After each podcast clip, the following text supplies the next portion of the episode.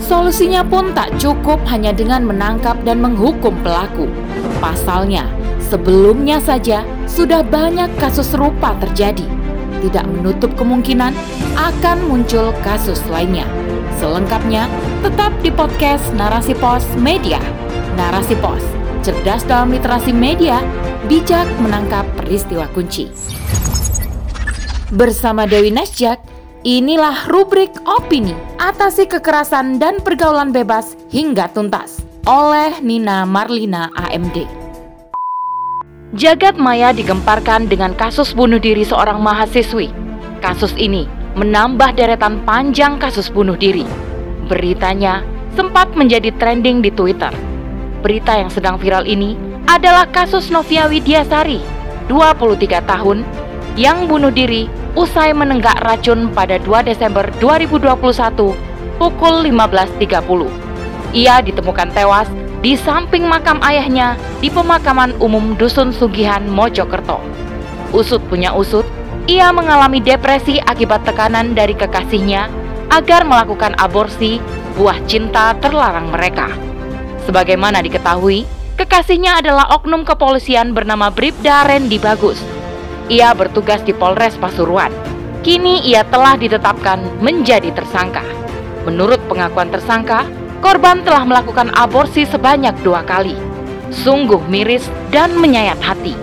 Aksi bunuh diri karena depresi kembali terjadi. Kasus ini terbukti bermula dari pacaran atau pergaulan bebas. Pacaran ini memang telah menjadi pintu perzinahan dan dosa besar lainnya kehamilan yang tak diinginkan selalu berujung aborsi. Nilai-nilai sekuler dan liberal telah menghiasi kehidupan pemuda saat ini. Gaul bebas menjadi kebiasaan, tidak ada perasaan takut melakukan seks bebas. Mereka tak berpikir panjang dan takut akan konsekuensinya. Pergaulan bebas ini sering berujung pula pada persengketaan hingga pembunuhan.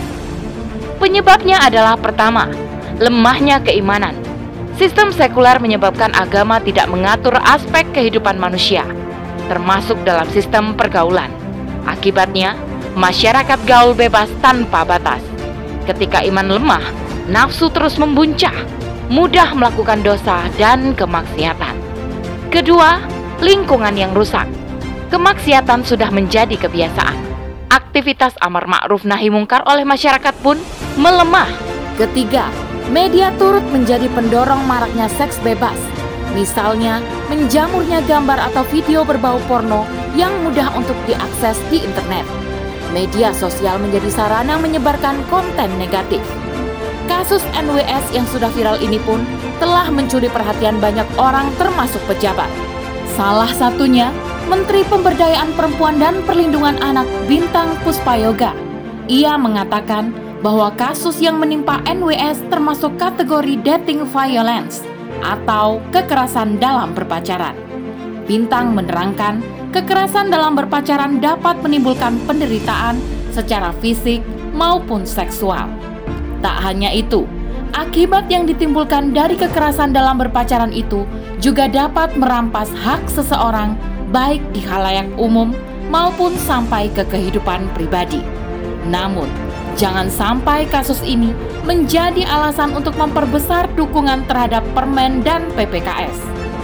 Pasalnya, aturan liberal tersebut tidak akan menyelesaikan permasalahan, justru akan menambah masalah baru. Solusinya pun tak cukup hanya dengan menangkap dan menghukum pelaku. Pasalnya, sebelumnya saja sudah banyak kasus serupa terjadi. Tidak menutup kemungkinan akan muncul kasus lainnya. Masalah ini harus diselesaikan dengan solusi tuntas. Tidak lain adalah dengan diterapkannya sistem pergaulan Islam. Sistem pergaulan Islam akan mengatur hubungan atau interaksi lawan jenis. Islam jelas melarang perilaku pacaran karena merupakan aktivitas mendekati perzinahan. Sebagaimana firman Allah Subhanahu wa taala dalam Quran surah Al-Isra ayat 32 yang artinya, "Dan janganlah kamu mendekati zina, Sesungguhnya zina adalah suatu perbuatan yang keji dan suatu jalan yang buruk. Islam juga melarang aktivitas kholwat.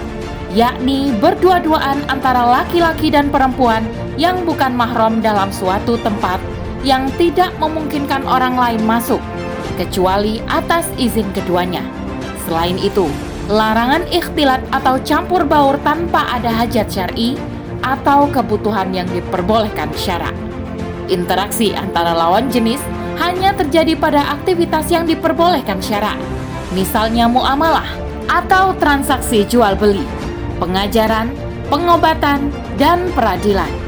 Islam akan mencegah semua pintu perzinahan, termasuk media atau tontonan yang membangkitkan syahwat akan dicegah. Penerapan sistem Islam akan membuat suasana keimanan meningkat, termasuk individunya.